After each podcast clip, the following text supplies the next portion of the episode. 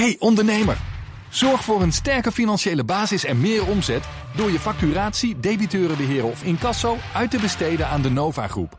De Nova Groep? Ja, de Nova Groep. Kijk op novagroep.nl.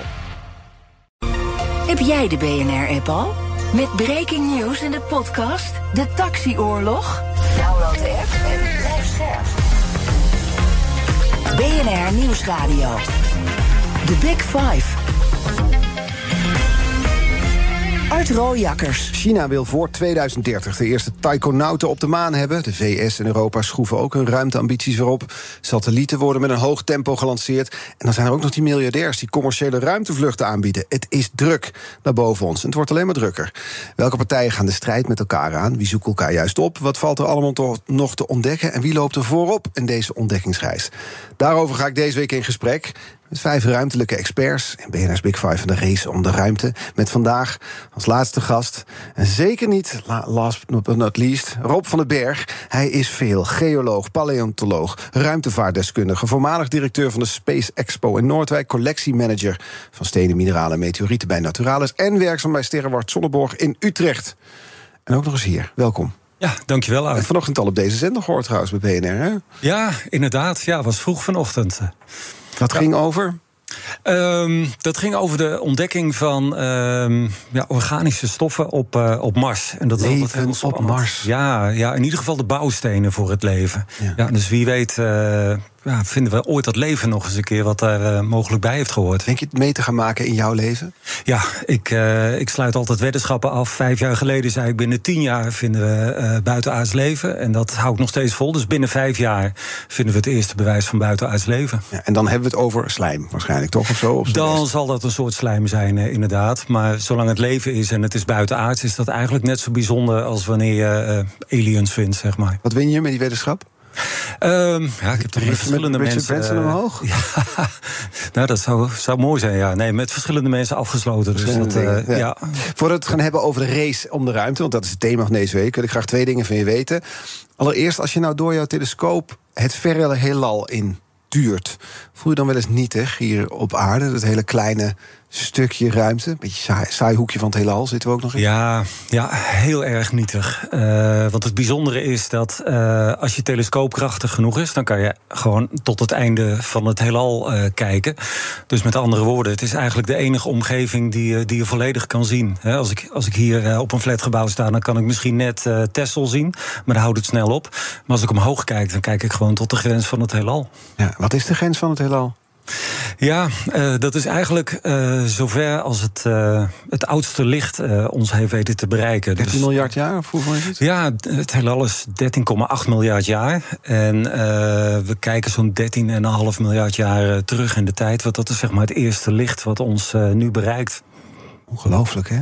En, en dan zit je dat te bekijken en dan denk je, ik zit, zit nu naar iets te kijken van 13,5 miljard. Hoe, hoe geef je dat vorm in je brein? Ja, het, het is niet te bevatten. Uh, je kan de cijfers uh, kan je voor jezelf eh, benoemen, alle getallen, uh, je kan dingen berekenen, maar om het echt te bevatten, dat, het is bijna geen doen. Nee, nee. Het wordt bijna religie dan. Uh, ja, het, het, verschil is dat het. Uh, we moeten Want deze woorden passen ook op elk geloof. Het is dat niet te bevatten. Waar. Ja, alleen het, het verschil is dat we dit boek nu uh, zelf aan het schrijven zijn, zeg maar, aan de hand van wat we zien. In plaats van dat we kennis halen uit een heel oud boek. Ja, dat is ja, waar de waarheid in staat. Ja. Tweede vraag. Als jij nou morgen zou mogen instappen aan boord van de ideale ruimtemissie, waar zou je heen willen en wat zou je willen onderzoeken?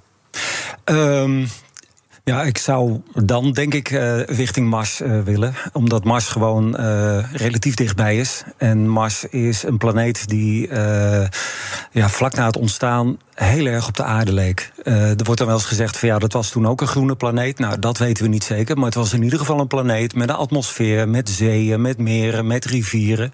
En misschien inderdaad wel het eerste leven. Dus daar, op dat landschap zou ik wel eens willen rondlopen. Ja, en dan is dat ook misschien, als je daar dan rondloopt, een, een beeld van hoe het met de aarde kan aflopen? Ja, um, dan, ja, misschien zou je ook nog aan Venus kunnen denken als model. Want, want Venus heeft zeg maar een uit de hand gelopen uh, broeikaseffect. Uh, atmosfeer is heel dicht. Het is ongelooflijk heet. Het is de heetste planeet van het, uh, van het zonnestelsel. Uh, dus het zou ook die kant uit kunnen gaan. Dus, dus of het wordt een dode planeet, zeg maar, of het wordt een planeet met een uh, enorm broeikaseffect. Nou, beide is niet zo aantrekkelijk. Nee, niet heel aanlokkelijk wat je nu schetst. Nee. nee. We gaan kijken naar die race om de ruimte. Die spannend op dit moment. Hè. Het gaat tussen Amerika, en een beetje daar horen wij dan wel bij Europa. Het gaat tussen Amerika en China met name, volgens mij, toch? Wie is het eerst op de maan?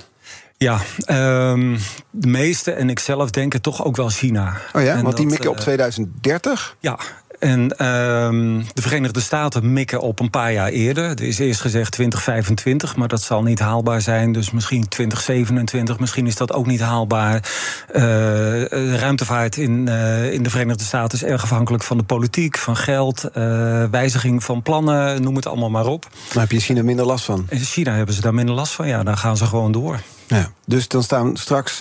Die race speelt zich af over wie het eerst de maan staat. Dat heeft eigenlijk wetenschappelijk weinig waarde, hoorden we eerder de, deze week. Ze hebben bijvoorbeeld Vincent Ikke, een quote van hem, sterrenkundige, die zei: Het heeft wetenschappelijk gezien nul waarde dat de mens op de maan staat. Symboliek, dat is het toch? Ja, symboliek blijft natuurlijk heel erg belangrijk. Uh, aan de andere kant uh, is het feit of mensen op de maan uh, iets bijdragen of niet. Uh, ja, dat is heel erg afhankelijk van uh, hoe onze technologie ervoor staat.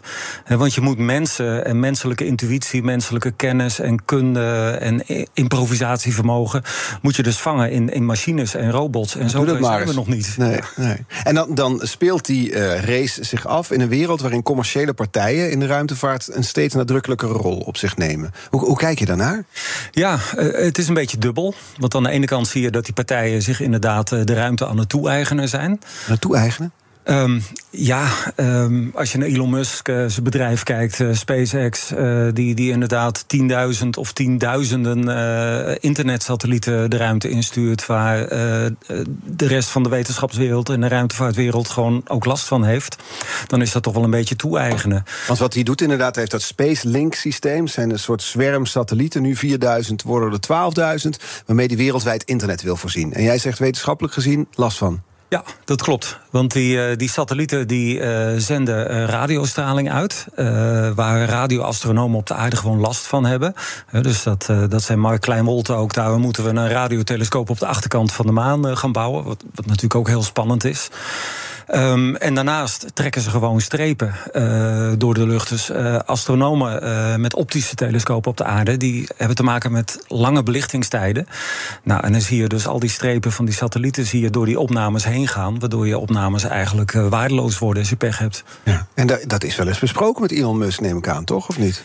Ja, dat is zeker besproken. Maar uh, ja, het is natuurlijk een, uh, een, man met een visie, zoals hij dat zelf uh, graag noemt. Hij wil ook heel veel geld verdienen.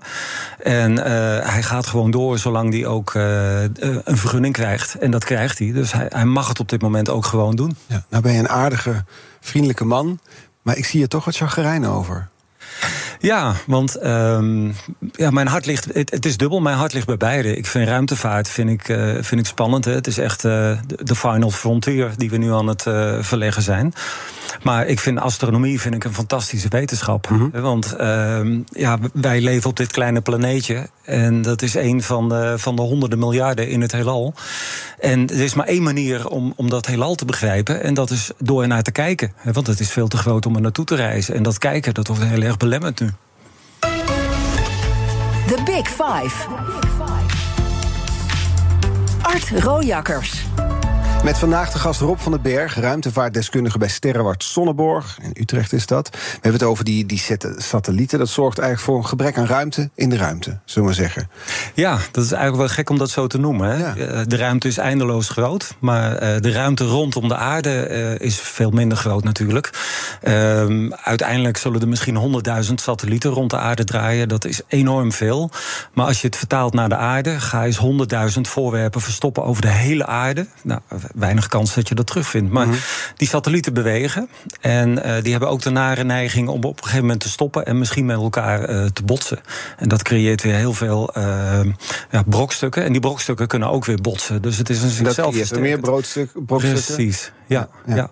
En, en dat is een dat heb ik namelijk deze week verschillende keren voorbij horen komen. En er wordt dan gezegd, ja, dit is mogelijk. Of zeg je van, nee, dit is, dit is een, een risico waar we echt rekening mee moeten gaan houden. Ja, eigenlijk gebeurt het al. Er zijn al in het verleden een paar keer satellieten met elkaar gebotst. er zijn al heel veel brokstukken die overal mee botsen. zelfs een verfschilfertje die, die kan een, een barst in een ruit van het ISS veroorzaken, wat ook al gebeurd is. Dus, um, het, het, nou eenmaal zulke snelheden gaan we mee zo rond uh, zweven. Ja, het zijn enorme snelheden. Je hebt het over, over 30, 40.000 kilometer per uur. Uh, en als je tegengesteld beweegt, is dat het dubbele. En met zulke snelheden uh, heeft een verfschilfertje de impact van een kogel. Ja. Maar niet alle satellieten draaien dus dezelfde kant op, of alle brokstukken? Nee, dat klopt. Die brokstukken zeker niet. Die, die spatten uit elkaar. Satellieten bewegen ook in allerlei verschillende richtingen.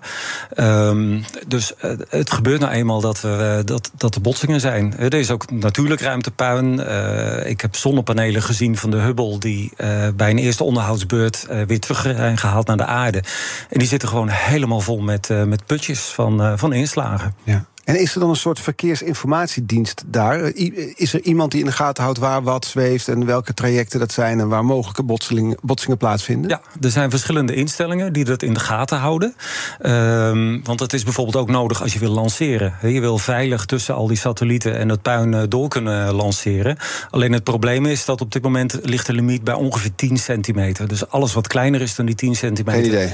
Uh, geen idee waar zich dat allemaal bevindt. Maar dat is wel de meerderheid van het puin. Ja, terwijl en we hadden het net al over, een verspatter kan dus al fataal zijn, of tenminste ernstige schade toebrengen. Ja, dat klopt. Dus er is ook afgesproken dat als er nieuwe satellieten gelanceerd worden, dat ze een soort uh, instellingen hebben om ze op een veilige manier uh, weer te beëindigen. Dus aan het einde van de levensduur van een satelliet moeten ze of terug naar de aarde gestuurd worden, waarbij ze verbranden in de atmosfeer, of ze gaan naar een, uh, naar een kerkhofbaan, een hogere baan, waar ze dan nog duizenden of miljoenen jaren rondjes om de aarde op een veilige manier kunnen draaien. Maar die zal op een gegeven moment ook vol raken. Komt er een moment aan dat wij Um, opgesloten zitten op aarde. Dat we, niet meer, dat we niks meer de lucht in kunnen sturen en zelf ook niet meer weg kunnen. Ja, dat, dat klopt. Uh, ik heb berichten van de ESA gelezen, één of twee jaar geleden, dat als we zo door blijven gaan, dat we dan onszelf over misschien twintig jaar, misschien eerder, echt hebben opgesloten op de aarde. Omdat we dan niet meer veilig kunnen lanceren. En wat zouden de gevolgen daarvan zijn? Ja, um, alle ruimtevaartmissies uh, stoppen dan. Uh, er kunnen geen uh, nieuwe satellieten meer veilig gelanceerd worden om de oude te vervangen. Dus communicatiesatellieten, navigatiesatellieten houden we op een gegeven moment mee op. En die kunnen dan niet meer vervangen worden. Dus we gaan eigenlijk langzamerhand weer terug naar het tijdperk van voor de ruimtevaart. Het is toch. Ja, ik, ik zit er dan over na te denken. Dat je dus aan de ene kant Elon Musk hebt... die vanuit een soort persoonlijke missie... Heb, de ene satelliet naar de andere de lucht instuurt. Met als gevolg dat wereld, de, de, hele, de rest van de wereld straks opgesloten zit. Ja, maar wel goed internet dankzij Elon Musk. Ja, voor zolang het duurt inderdaad. Ja. Elon Musk zegt zelf dat zijn satellieten... die zijn zo uitgerust dat ze in een lage baan zitten... en, en ze hebben een inrichting om zichzelf aan het einde van levensduur... weer naar beneden te sturen. Dus ze ruimen zich vanzelf op. Hmm. Maar goed, dat geldt niet voor al die hogere satellieten... en al dat puin uh, wat er rondzweeft. Dus er zijn nu ook gewoon missies uh, in, in de maak om ruimtepuin op te ruimen. Hoe kan je dat doen? Ja, dat is veel moeilijker dan dat je in eerste instantie zou denken. Je denkt, we sturen een soort uh, schepnet. of een groot schepnet inderdaad in de ruimte. Maar je kan in de ruimte in een baan om de aarde niet zomaar overal naartoe vliegen waar je wil. Dus je zit in een baan, je zit vast in die baan en je kan alleen maar onderscheppen wat in die baan zit. Dus vaak is het één op één. Je hebt één satelliet, die gaat één andere satelliet vangen en die neemt er weer mee terug om te verbranden in de aarde. En voor een volgende satelliet heb je weer een nieuwe onderscheppingssatelliet nodig. Dus dat is een enorme klus. En enorm kostbaar ook. Heel kostbaar, ja, inderdaad. Is er dan ja, dit is dus de praktische uitwerking. Aan de andere kant, hè, dit is wat er nu al zweeft. Maar om te voorkomen dat er nog meer ruimteafval komt. Is er regelgeving, wetgeving, wordt er aan gewerkt? Ja, dat zijn dus die afspraken om uh, satellieten uit te rusten met een extra raketmogelijkheid. Uh, om, om ze in een hogere baan of in een lagere baan uh, te sturen. Um, maar ja, er is weinig handhaving. Hè. Er zijn natuurlijk wel allerlei. er zijn weinig boa's daarboven. Ja, inderdaad. Ja. En ga maar eens tegen een land als China zeggen dat ze zich daar ook aan moeten houden. Weet je, het, het het land zelf uh, of de ruimtevaartmaatschappij moet zich daar zelf ook aan houden natuurlijk. Ja. Maar hoe symbolisch dat wij eigenlijk omgaan met de ruimte, naar daarbij ruimte om de aarde, zoals we met de aarde omgaan. Ja, inderdaad. Ja. Uh, Marjolein van Heemstra zei van misschien moeten we de grens van de aarde verleggen. Ja, deze week. Ja. ja. inderdaad. Um, maar ja, het probleem wat je hier hebt, dat hou je dan nog steeds eigenlijk. Dus op de een of andere manier wordt nog steeds niet geleerd om goed vooruit te denken. Nee, terwijl het vooruitzicht nooit meer uh, ja, onszelf op te sluiten voelt toch enigszins claustrofobisch. Ja, ja, ik moet er niet aan denken. Want kijk, ruimtevaart brengt heel veel uh, vervelende dingen. Hè. Daar is de afgelopen weken ook allemaal uh, over gegaan. Maar het brengt ook heel veel goede dingen. Het, het, het, het, brengt heel veel nieuwe wetenschap. Ja, en dan is het heel raar dat we onszelf zo op die manier uh, gaan opsluiten als we mm -hmm. niks doen. Ja. Is er eigenlijk dan wel duidelijkheid? Want daar hadden we deze week over waar dan de ruimte begint en waar de lucht begint. Want inderdaad, Marjolein van Heemstra zei. Uh, misschien moeten we de, de, dat wat omhoog leggen. Dat we zeggen dat die ring rond de aarde. die hoort helemaal bij de aarde. is vol met satellieten. Dus laten we dat behandelen zoals we hier op aarde omgaan, met land. Uh, is er eigenlijk al helderheid over. waar begint de ruimte eigenlijk? Hoe hoog Ja, dat is eigenlijk een definitiekwestie. Oh. Uh, er zijn er twee. de NASA hanteert 50 mijl boven de aarde, dus ongeveer 80 kilometer. Mm -hmm. En eigenlijk de rest van de wereld hanteert 100 kilometer. En daarboven begint dan officieel de ruimte. Maar wat je ziet is dat op 1000, 2000 kilometer boven het aardoppervlak kun je nog steeds sporen van de atmosfeer aantreffen. Dat gaat heel geleidelijk. Dus waar je precies die grens ligt, dat, dat is een definitiekwestie. Nee. En als jij dus hè, vanuit de, sterrenwacht dan zo het heelal intuurt, vanaf die aarde, wat nu dan nog mogelijk is, ook al zie je de strepen voorbij trekken dan ga je misschien op die manier ook anders naar de aarde kijken. Wat voor planeet leven eigenlijk op? Ja, het, het is inderdaad een, een, een, stofje in een uithoek van het uh, heelal. Maar aan de andere kant is het dus wel de enige planeet waarvan we zeker weten dat er leven op voorkomt. Er is wel vermoeden dat, uh, dat het krioelt van het leven in het heelal, maar we hebben het tot nu toe nog niet gevonden. Dus uh, voorlopig is het de enige planeet met leven, voor zover we weten. Mm -hmm. Ja, en dat, is, dat maakt het wel heel bijzonder natuurlijk. En daar moeten we zuinig op zijn. Ja. Dan denk je dan wel eens na, als je dat heelal, pardon, als je dat heelal aan kijkt en je kijkt die 13 miljard jaar de geschiedenis in, zeg maar, wat daarachter nog zou kunnen zijn? Ja, um, dat, dat is een hele filosofische vraag eigenlijk. Mm -hmm. Want uh, als, als het heelal eindeloos is, ja, hoe, hoe, kan je iets wat eindeloos groot is voorstellen? Dat, dat kan je niet voorstellen. Maar als dat heelal ergens ophoudt, wat zit er dan achter? Nou ja, wat we voorlopig weten is dat het heelal is ruimte en tijd. Dus uh, waar het heelal ophoudt, is geen ruimte en geen tijd.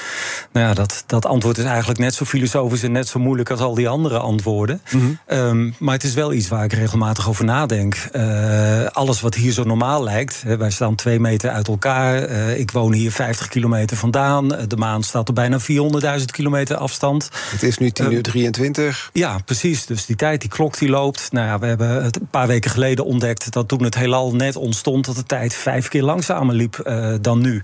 Ja, dat zijn allemaal van die dingen dat je denkt van ja, alles wat we hier zien, dat is maar zo betrekkelijk en zo relatief. En onze hersenen zijn gemaakt op het begrijpen van onze omgeving. En die zijn helemaal niet geëvalueerd op het begrijpen van dat hele grote heelal. En dat vind ik ontzettend boeiend. Ja. Zouden dan, ja, nu komen we wel op filosofisch terrein, maar laten we even gaan freaken met z'n tweeën. Zouden er dan ergens wezens zijn die dat wel, zeg maar, die die scope van enormiteit wel zouden kunnen bevatten? Zijn wij, zeg maar, er liep van, vandaag een mier over mijn keukenblad. Toen dacht ik, misschien ben ik dat wel, op weg naar die radio-uitzending. In een, in een veel groter iets.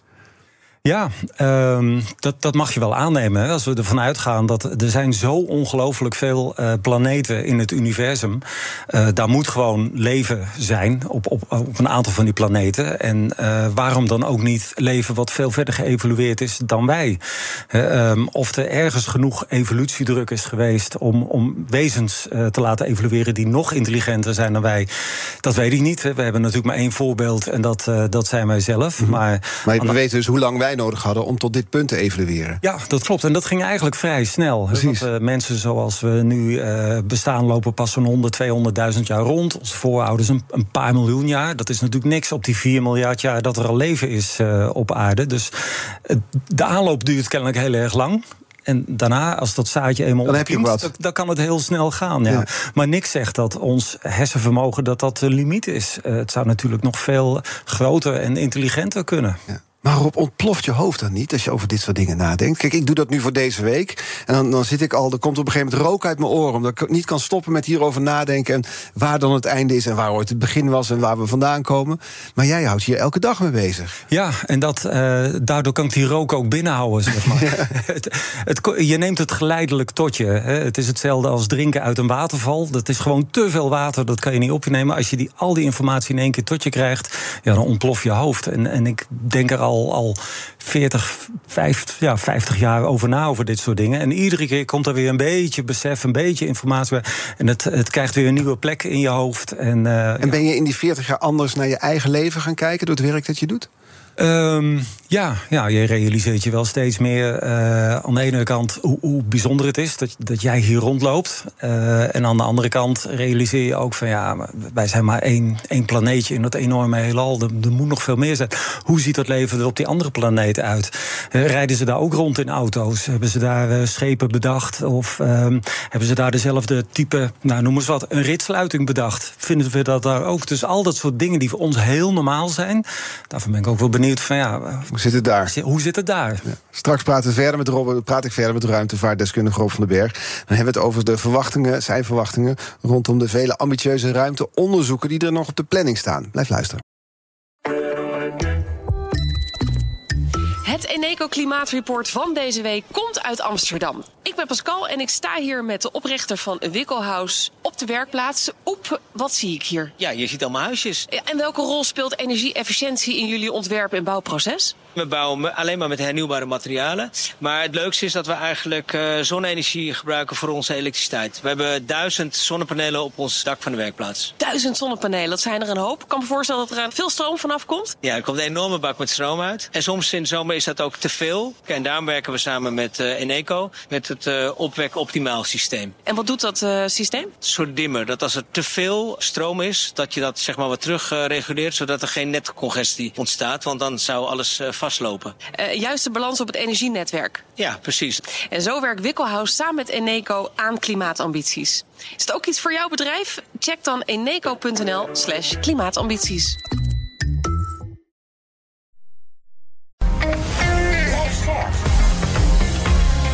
BNR Nieuwsradio. The Big Five. Art Rooijakkers. Vandaag de gast in BNR's Big Five, Rob van den Berg. Hij is ruimtevaartdeskundige van Sterrenwaard Zonneborg in Utrecht. Eerder sprak ik uh, in dit uh, thema, want we hebben het over de race om de ruimte. Mark Kleinwold, hij is directeur van het radio, Radboud Radio Lab. Het ging onder andere over de maan als tussenstop voor het nog verdere ruimtereis. Het is terug te luisteren als podcast, doe dat vooral. We hebben nu twee onderwerpen te bespreken, Rob. De ruimtevaart en de toekomst van de mensheid... en de laatste ontwikkelingen op het gebied van ruimteonderzoek. Gaan we zo doen. Maar wij kwamen net samen iets tegen. We stonden tijdens het nieuws te praten. Toen zei ik: Ja, ik ben een verhaal tegengekomen dat ons heelal misschien niet eens het enige heelal is. Dat je een soort. Je moet het zien als een matras waarvan die knopen indrukken. Je hebt zeg maar de ruimte-tijd die zich uitstrekt. En dan is er één knoop die trekt het een beetje naar beneden. Dus ons heelal. Ruimtetijd gaat verder. De volgende koop zou een volgend heelal kunnen zijn. Dat dacht, een idioot verhaal. Jij zegt, nou, zou best kunnen kloppen. Ja, inderdaad. Uh, wij leven in een universum en dat is alles, zeg maar. Maar uh, er zijn ook ideeën dat het misschien een multiversum is. Dus ja, dat je meerdere nou, universen... Nu, nu heb je me, hè? Een multiversum. Ja, ja als je aan uh, astronomen of natuurkundigen vraagt... van hoe is die Big Bang ooit ontstaan... dan krijg je vaak te horen van, nou, eerst was er niets... en vervolgens begon dat te rimpelen en toen had je het heelal. Ja. Nou, die, klinkt ook als een sprookje. Dat klinkt als een sprookje, ja. En veel verder komen we op dit moment ook niet. Maar dan zou je kunnen denken van ja, als het hier kan rimpelen... Hè, dan kan het misschien daar ook rimpelen. Hè, dat hier en daar heb je het al over ruimte. Nou, dat is er niet natuurlijk. Niet, nee. Maar uh, het zou zomaar kunnen dat je uh, inderdaad meerdere uh, universa hebt... en dat dit een van de, van de oneindig veel universa is. en dat toevallig in dit universum... misschien zijn er wel zoveel... dat in dit universum zijn de bouwstenen zo... dat leven zoals dat van ons mogelijk is ander universum zal, kan totaal anders zijn. Ja, ja inderdaad. Want uh, we hebben hier uh, bepaalde natuurconstanten, natuurwetten. En die zijn allemaal precies zo afgestemd dat er sterren mogelijk zijn, dat er moleculen mogelijk zijn, dat wij dus mogelijk zijn. En het idee is van ja, we hebben, we hebben helemaal geen idee waarom die natuurwetten zijn zoals ze zijn. Misschien zijn ze in een ander universum wel anders. Totaal anders. En kunnen daar helemaal geen sterren of planeten ontstaan. Dus misschien is ons universum ook weer helemaal niet uniek. Het is gewoon uniek omdat wij er toevallig in ontstaan zijn. Maar is een ander universum is weer uniek omdat daar is totaal anders in ontstaan. Totaal anders is. Of misschien is er wel helemaal niks. Uh, inderdaad, alleen maar energie of, of, of, wat dan ook. En het punt is, het, het blijft filosoferen. Want we hebben geen idee hoe we van dit universum over zouden kunnen stappen naar een ander universum. Want het is niet zo dat alle atomen, elementen, dat dat een soort vastgegeven in het heelal moet zijn. Ja, in dit heelal, maar als er meerdere universa zijn, kan het daar totaal anders zijn. Ja, dat zou totaal anders kunnen zijn. Want we weten dat. Ja. Nu ontploft mijn hoofd nog meer, hè? Sorry. Ja. ja. En kunnen wij dan ook misschien wel naar zo'n ander heelal toe? Ja, ooit? dat, eh, dat is de vraag. Want wij zijn natuurlijk opgebouwd uit deeltjes die voldoen aan de wetten in ons universum. Dus stel dat, die twee, dat er twee universa zijn die elkaar raken. Daar zijn wel ideeën over. Oh ja? Als we kijken naar kaarten van het hele universum. Daar zitten patronen in. eh, dat sommige astronomen denken van nou ja, hier raken twee universa elkaar. Waar, waar, waar merk je dat aan dan? Ja, je hebt eh, een verdeling van, van massa en energie over het heelal. En dat is niet gelijkmatig. Terwijl je zou verwachten dat het wel gelijkmatig zou moeten zijn. En eh, er zitten bepaalde eh, ruimtes in ons universum, als je op die kaart kijkt, eh, die je niet op een normale manier kan verklaren. En dan ja, zou een van de alternatieve verklaringen kunnen zijn van ja, daar raakt een ander universum ons Een universum. grensgebied. Ja, ja, ja. Wel heel spannend, maar ook frustrerend. Dat is, eigenlijk is het hele heelal heel frustrerend. Ja? Want ik vertelde net, we kunnen alles zien. We kunnen tot, tot de grens van het zichtbare heelal kunnen we kijken. We kunnen er nooit komen. Het zijn zulke gigantische afstanden. Eh, dus, dus dat kunnen we vergeten. Tenzij we richting Star Trek gaan en wormgaten ontdekken... en met warpsnelheid kunnen vliegen. Maar dat, dat blijft allemaal nog filosoferen. Ja. Dus dan besteed jij je werkzame leven aan deze vragen. En dan zeg je ook, het is ook frustrerend. Ja, inderdaad. Want eh, ik eh, verwacht dat ik tijdens mijn leven, en misschien nog wel eh, veel sneller dan dat je denkt, het eerste bewijs tegenkom van, niet ik persoonlijk, maar dat, dat er buitenaards leven wordt ontdekt. Op een hele verre planeet. Een exoplaneet op, op honderden lichtjaren afstand. Eh, eigenlijk is dat ook heel frustrerend. Want dan vind je sporen van leven. Alleen je kan het niet zien. Je kan er niet mee communiceren. Je kan er niet naartoe. Eh, nou, dat vind ik best frustrerend. Want als, als we leven vinden, dan wil ik het ook van dichtbij zien. De kans dat dat leven, hè, want stel dat er dan wel leven ergens anders zou zijn, dat mogelijk verder ontwikkeld is dan wij. De kans dat zij wel naar ons toe zouden hebben kunnen komen, is ook niet zo groot, toch? Vanwege die afstanden. Nee, die afstanden die blijven heel erg groot. Eh, je zou inderdaad kunnen zeggen... leven wat verder is geëvolueerd dan wij... zal ons eerder vinden dan dat wij eh, hun vinden. Maar goed, waar zijn ze dan? We hebben wel heel veel ufo-meldingen... maar ik, ik, geloof eh, echt wel in buitenaards leven. Maar ik geloof niet in ufo's. Want ik denk van ja, als je zo ver geëvolueerd bent... en je technologie zo ver gevorderd is... dat je die enorme afstand kan overbruggen om naar de aarde te komen... Waarom doe je dan wel zo dom door je per ongeluk te laten zien en te fotograferen? ja, dat geloof ik niet. Nee. Maar een bacterie zou ook al heel wat zijn. zo. Ja, bacterie is natuurlijk gewoon leven. En eh, al het leven op aarde is met elkaar verwant. We hebben allemaal hetzelfde DNA. Dus op het moment dat je een buitenaardse bacterie vindt... ja, dan ben ik heel benieuwd naar wat voor DNA erin zit. Maar toch even, dan ben je zo dom. En je maakt die grap van, ben je zo dom om je te laten pakken. Maar er wa- was een poosje geleden, zijn die video's bekendgemaakt door de Amerikaanse luchtmacht. Je ziet wat piloten, zwart-wit beelden. En dan zie je objecten om hen heen bewegen op een manier zoals wij dat op aarde niet kennen. Ze bewegen razendsnel, horizontaal, verticaal, duiken onder water, kli- komen er weer uit. Het zijn stipjes, hè? we zien niet precies wat het is. Die heb je ook gekeken, die Die heb ik gekeken. Ja, toen? inderdaad. Ja. ja, de Amerikanen noemen het nu officieel Unidentified Aerial Phenomena. Precies. Hè, Dus eh, UAP's. Gewoon om ervoor te zorgen dat eigenlijk betekent het hetzelfde als UFO. Hè. Het is Maar minder wat- beladen. Ja, het is minder beladen. Eh, bij een UFO denken we altijd gelijk aan een buitenaards ruimteschip. Bij een UAP eh, hopelijk niet. Eh, waar het om gaat is dat je iets ziet. Eh, het kan ook onder water zijn. Je ziet iets bewegen, of door de lucht of door de ruimte. Eh, alleen weet je niet precies waar je naar kijkt. Eh, dat, dan kan het nog steeds een volledig natuurlijke verklaring hebben. Alleen hebben we die nog even niet gevonden. En dat betekent niet automatisch dat daarin aliens zitten. We weten het alleen gewoon niet. Net Dat zoals vroeger mensen als ze de bliksem zagen... dachten dat de goden boos waren. Ja, precies. Misschien moet het zomaar zien. Ja, inderdaad. We zoeken er heel snel iets achter, sommige mensen. En anderen denken van nee, laten we eerst gewoon dat beter onderzoeken. Deze week is die exoplaneet ontdekt. Een hele bijzondere. Kun je eens over vertellen? Ja, het is eh, een planeet die zo ongelooflijk veel eh, licht weerkaatst... dat je bijna kan spreken van een, eh, van een spiegel. De aarde weerkaatst heel veel licht van de zon, omdat we wolken hebben. Venus, de buitenkant van Venus, is alleen maar wolken. Dus Venus is het meest heldere, eh, niet lichtgevende object in ons zonnestelsel. En deze planeet die ontdekt is, die weerkaatst nog eens een keer bijna twee keer zoveel. Die weerkaatst bijna al het licht wat, wat hij van zijn zon ontvangt. Nou, dat kennen we alleen van spiegels. Dus dat is heel vreemd. Ja. En wat er dan. Wat, ja, er moet nog verder onderzocht worden wat dat zou kunnen zijn. Ja, inderdaad. Wat voor materiaal kan zo ongelooflijk veel licht uh, weerkaatsen op een planeet? Ja, het, is, zijn wolken van metaal, dacht ik toch? Ja, inderdaad. Het, het, het regent uh, titanium, uh, las ik al. dus ik kan me inderdaad voorstellen dat als je een planeet hebt die volledig uit metaal bestaat, wat op zich helemaal niet zo gek is. Ja, metaal spiegelt ook heel erg natuurlijk. Dat zou misschien een verklaring kunnen zijn. Ja. In wat voor tijden leven we eigenlijk als we naar het ruimteonderzoek kijken? Zitten we in een, in een goede tijd? Denk je van nou, was ik maar honderd jaar later geboren, want dan waren we veel verder geweest? Of juist niet? Of hoe kijk je daarnaar? Ja, ook dat is weer dubbel. Want over 100 jaar zouden we heel ver kunnen zijn. Of, of over 100 jaar hebben we onszelf opgesloten. Ja.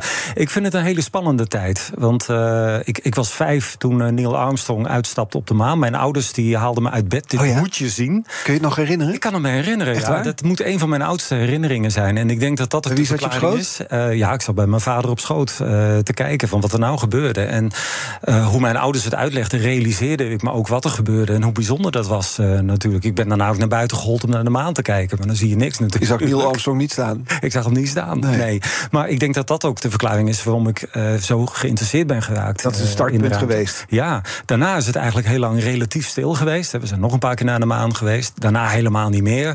De ruimtevaart heeft zich wel ontwikkeld. Maar we zitten nu op een punt dat de ontwikkelingen razendsnel gaan. Dus ik vind het wel een hele spannende tijd. En welke ontwikkelingen uh, hou je dan nadrukkelijk in de gaten? Ja, je ziet dat uh, de commerciële ruimtevaart uh, ongelooflijk snel gaat. Uh, en ook de ruimtevaart in, in China. Um, en, en, je ziet dat eigenlijk alle takken van de ruimtevaart daarvan kunnen profiteren. Want NASA kan nu ook gewoon astronauten met raketten van Elon Musk meesturen. En dat is goedkoper dan wanneer ze dat zelf doen. ESA, dat hoorden we gisteren nog met Philip Schonejans. ja, heeft op dit moment geen eigen raket. Vinden ze heel erg jammer. Maar je zou natuurlijk een model kunnen gaan waarbij je zegt van oké, we huren gewoon uh, vluchten in. Mhm. Houden we geld over voor wetenschappelijke missies. En die wetenschappelijke missies zijn commercieel minder interessant. Dus altijd fijn als we daar minder geld voor te besteden hebben. Maar zijn we in die tijd dat jij dus vanaf je vijfde aan het onderwerp wijdt, zijn we nou veel wijzer geworden? Uh, ja, heel veel wijzen. Dat is niet alleen de ruimtevaart, maar dat is ook uh, de astronomie. we weten bijvoorbeeld niet zo heel erg lang dat uh, ons melkwegstelsel niet het enige melkwegstelsel in het heelal is. we weten sinds ook nog niet eens heel erg lang dat ons zonnestelsel niet het enige zonnestelsel is. Maar dat, kijk s'nachts omhoog naar een ster en je weet gewoon dat we om die sterren planeten. planeten draaien. Ja, dat is natuurlijk een waanzinnige ontdekking. Dus we zijn heel veel meer te weten gekomen. Ja. En we gaan nog zoveel meer te weten komen, hopelijk dan. Ja, want er is nog zoveel wat we niet weten. Alles wat we weten, weten we eigenlijk alleen maar door gewoon te kijken... en door een beetje je teen in het water te steken. Want buiten ons zonnestelsel komen we gewoon niet. Nee, Mark, eh, de eerste gast van deze week legde uit... we zijn eigenlijk een stofje op een hand... Uh, en dat stofje is dan ons melkwegstelsel. En die hand bevindt zich in de woonkamer. En de woonkamer is het, is het heelal. Ja, waanzinnige vergelijking. Ja, dat, uh, zo had ik hem ook nog niet eerder gehoord. Maar dat uh, klopt inderdaad. Je zit op een heel klein stofje. En je, ja, wij kunnen ons voorstellen hoe klein een stofje is in vergelijking met de kamer waarin we ons nu bevinden. Mhm. Dat is ongeveer de verhouding. Dus vanaf dat stofje ga je inderdaad proberen de rest van de kamer in beeld te brengen. Terwijl je weet dat er nog honderden miljarden andere stofjes zijn. En die ook je beeld belemmeren nog eens een keer. Ja, en dan om dat stofje heen zijn nog eens allemaal hele kleine satellietjes nu. Ja, ook nog eens een keer. Ja, maakt het niet makkelijk Hey ondernemer, zorg voor een sterke financiële basis en meer omzet door je facturatie, debiteurenbeheer of incasso uit te besteden aan de Nova Groep. De Nova Groep? Ja, de Nova Groep. Kijk op novagroep.nl. Hey luister, dit is misschien iets voor jou. Denkproducties presenteert jouw snelste bijspijkerdag van het jaar. MBA in één dag met Ben Tigelaar. Ben praat je bij over leiderschap, organisatie strategie en verandering in één dag. MBA in één dag met Ben Tigelaar. Schrijf je in voor 1 januari en krijg een tweede ticket voor de halve prijs. Zet je podcast even op pauze en ga naar denkproducties.nl. BNR Nieuwsradio. The Big Five. Art Rojakkers. Je luistert naar BNR's Big Five van de race om de ruimte. Eerder deze week sprak ik met Marco Langbroek, satellietspotter en docent Space Situational Awareness aan de TU Delft. Onder andere over het gevaar van buitenlandse militaire satellieten. Want we worden elk moment van de dag vanuit de ruimte in de gaten gehouden worden, hier in Nederland. Het is terug te luisteren via BNRNL en uh, de bekende podcastkanalen. Vandaag de gast paleontoloog en ruimtevaartdeskundige Rob van den Berg.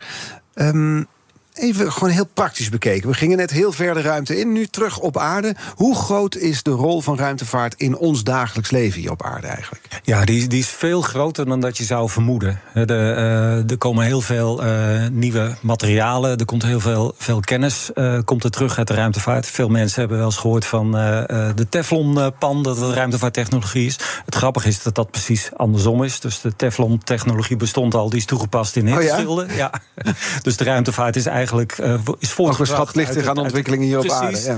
Maar um, ja, denk bijvoorbeeld aan uh, allerlei uh, satellieten met functies waar we gewoon dagelijks gebruik van maken. navigatie is natuurlijk de allerbekendste. telecommunicatie. we hebben heel veel aardobservatiesatellieten die ervoor zorgen dat we het weer heel goed kunnen voorspellen. dat, we, dat we potentiële rampen kunnen zien aankomen. aardbevingen, tsunamis, effecten van bosbranden. dus we krijgen ook ook heel veel informatie van die satellieten uit de ruimte. Naast al die ja, bijzondere materialen en kennis die, die ook in de ruimtevaart worden ontwikkeld. Ja. Jij weet er veel van, terwijl je heel veel terreinen combineert waar je veel van weet. En dat brengt me bij de kettingvraag. Want gisteren was hier te gast uh, projectmanager Philip Schonejans van ESA. En hij had deze vraag voor jou kende Rob natuurlijk als uh, directeur van de Space Expo, mm. die gewoon naast Aztec ligt in, in Noordwijk. Maar ik zag dat hij nu um, um, verantwoordelijk voor collectie in de Naturalis uh, Biodiversity Center. En uh, ik zei ook, hij is nog steeds actief ook in het lezingscircuit en hij is geoloog. Dus ik, ik wil wel graag van hem weten of en hoe hij die interesses van geologie, ruimtevaart en biodiversity combineert. En meer in het bijzonder wat hij dan denkt dat we, of wat hij hoopt dat we zouden moeten vinden in het Marsmateriaal. Laten we met eerst beginnen. Hoe combineer je al die interesses? Geologie, ruimtevaart, biodiversity? Ja, het, het, zat er al heel jong in. Ik, ik was zo'n jongetje van vijf die, die alles wist van dinosaurussen. Net als mijn zoon toen hij vijf was. Ja. Uh, maar ook het zonnestelsel en, en raketten en de, en de maanlanding natuurlijk. Dus uh, voor mij is het een soort tweede natuur. Ik heb het altijd bijgehouden. Mm -hmm. Later, toen ik ging studeren, uh, heb ik ook heel erg getwijfeld van...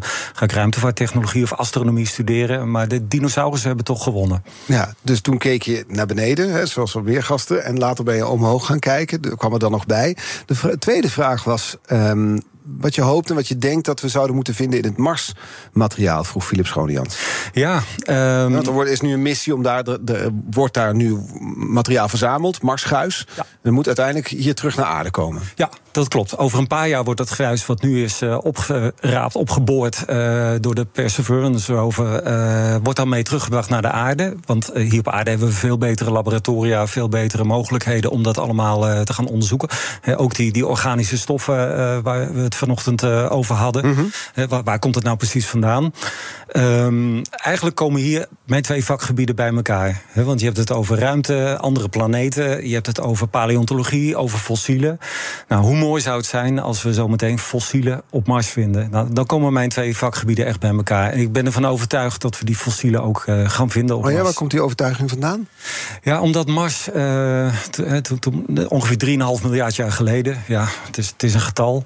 maar op dat moment uh, leken Mars en de aarde heel erg op elkaar het, op aarde was er toen ook al leven. Dus dan moet dat op Mars misschien ook al ja, zo geweest want op Mars had je een atmosfeer zoals op de aarde. Er was stromend water, er waren zeeën en dergelijke. Dus als dat leven zich toen op aarde al had ontwikkeld... had het zich ook op Mars kunnen ontwikkelen. En daar geloof ik echt wel in. Als de omstandigheden goed zijn, uh, de stoffen zijn aanwezig...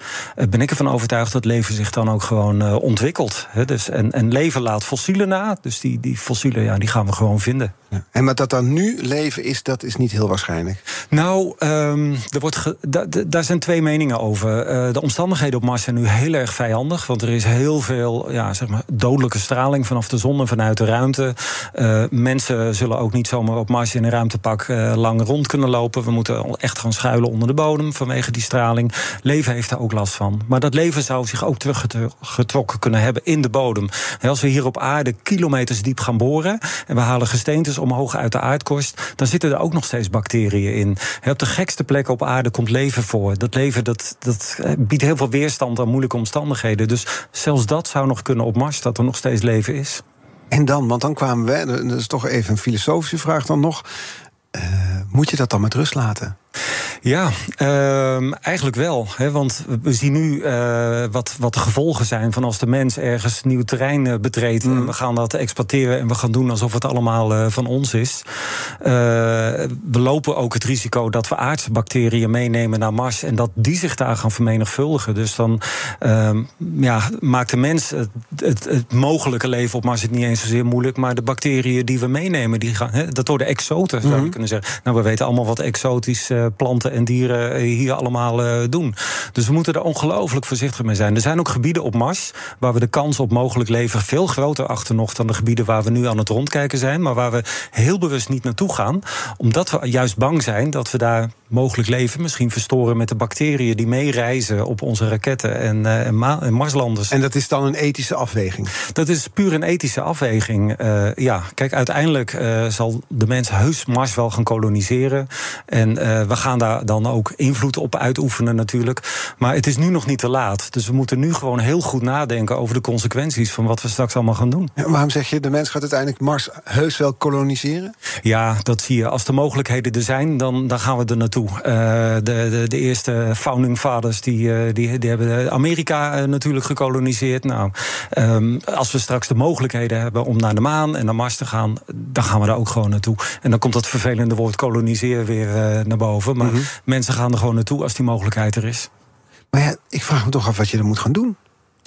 Ja, um, wat gingen die eerste founding fathers in Amerika doen? Ja, je gaat nieuw terrein uh, onderzoeken. Het, het, verschil is wel dat daar uh, de lucht ingeademd kan worden. Je hoort de vogels fluiten, je hebt de stromend water. Dat heb je op Mars uh, allemaal niet. Het is er nog onherbergzamer dan op Antarctica. Gaan we ook naartoe.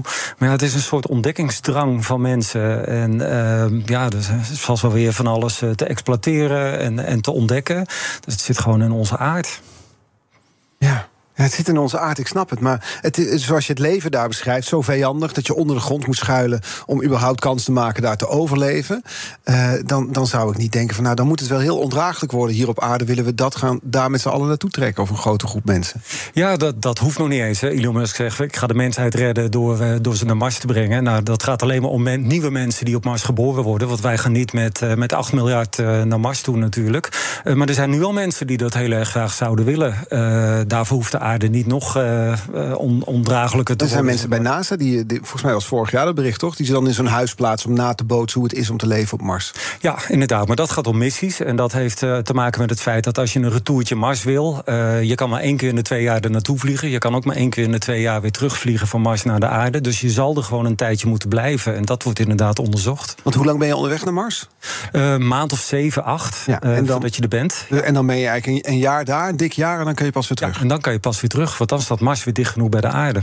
En die 7, 8 jaar, of sorry, 7, 8 maanden. Hoe breng je die door? Ja, dan zit je dus in een, uh, in een caravan. En dat is nog ruimer, uh, ruim genomen. Zo'n capsule is toch wel een stukje kleiner. Ja, dan, dan moet je toch maar al die maanden zien te vermaken. Nu blijven astronauten ook uh, maanden tot soms een jaar in het International Space Station. er is wel meer bewegingsruimte, ja, toch? Of veel niet? meer bewegingsruimte natuurlijk dan in zo'n capsule. Dus dat is nogal wat. Want het is eigenlijk een vliegende tand, tandpastatube. Ja, ja, eigenlijk wel. Ja. Dus ja, en als je dan met meerdere mensen daarin zit, ja, je moet niet zorgen dat je dan ruzie krijgt of zo. Hè? Je moet wel goed elkaar opschieten. Ja, inderdaad. Ja. Maar ja, wat het ook voor effect heeft op je lichaam. Want je kan dus niet bewegen. Je kan, er, zijn, er zijn zo weinig mogelijkheden. Ja, inderdaad. Je kan natuurlijk uh, sporten. Je, je kan je spieren trainen. Maar het heeft toch heel veel effecten op je lichaam. Uh, je kan in, tijdens je reis kan je ook nog eens een keer getroffen worden door een zonnevlam. Daarvan weten we dat die straling gewoon dodelijk is. De Apollo-astronauten die naar de maan reisden... hebben in die zin geluk gehad dat er tijdens hun reis niet zo'n uitbarsting is geweest. Want die waren dan gewoon niet meer levend aangekomen. Dus het is gewoon zo riskant. Het is het gebrek aan zwaartekracht, het is de straling, het is de verveling, gebrek aan ruimte. Nou ja, noem het allemaal maar op. Moet je allemaal doorstaan om daar Sla even over hoor, Rob. Ja, kan ik me voorstellen. Ja. Hebben wij met die maanmissies trouwens niet gewoon ongelooflijk veel geluk gehad dat het allemaal zo goed is gegaan? Ja, dat hebben we. Uh, er zijn een paar bijna misses geweest. Maar het feit dat die allereerste maanlanding, Apollo 11, uh, gelukt is met de technologie van, de jaren 60. Ja, ik vind dat ongelooflijk. het is niet alleen maar geluk hoor. Er is echt wel heel goed nagedacht. Maar met, met de middelen van toen. Maar het viel wel allemaal de goede kant op. Het viel allemaal de goede kant op, ja. Nou, dat moet het dan met Mars ook maar doen waarschijnlijk. Ja, laten we dat maar hopen inderdaad. Ja. Ik wil je danken voor, voor al die informatie. Jouw brein zit vol met feiten, kennis en, en denkbeelden. Dus het was fijn om met je te mogen praten. Rob van den Berg, um, ruimtevaartdeskundige van Sterrenwacht Sonneborg in Utrecht. Jij, stelt geen kettingvragen aan onze volgende gast. Normaal is dat een vast ritueel in ja. het programma. Maar BNR's Big Five gaat even op vakantie. We zijn niet helemaal weg. De komende zes weken kun je op dit uur luisteren naar de beste weken van het afgelopen jaar. We gaan een aantal mooie thema's nog een keer terug laten komen. Um, die kun je, daar kun je op wachten, want het gaat dus de komende zes weken gebeuren. Je kunt ons natuurlijk ook als podcast blijven luisteren, terugluisteren. Als je abonneert op onze podcast via onze app. Uh, je kan het ook doen via je favoriete podcastkanaal. Dan hoef je geen aflevering te missen. En nu op deze zender dus BNR Breekt Politiek. Nina van der Dungen. Fijn weekend alvast. Hey ondernemer. Zorg voor een sterke financiële basis en meer omzet door je facturatie, debiteurenbeheer of incasso uit te besteden aan de Nova Groep. De Nova Groep? Ja, de Nova Groep. Kijk op novagroep.nl.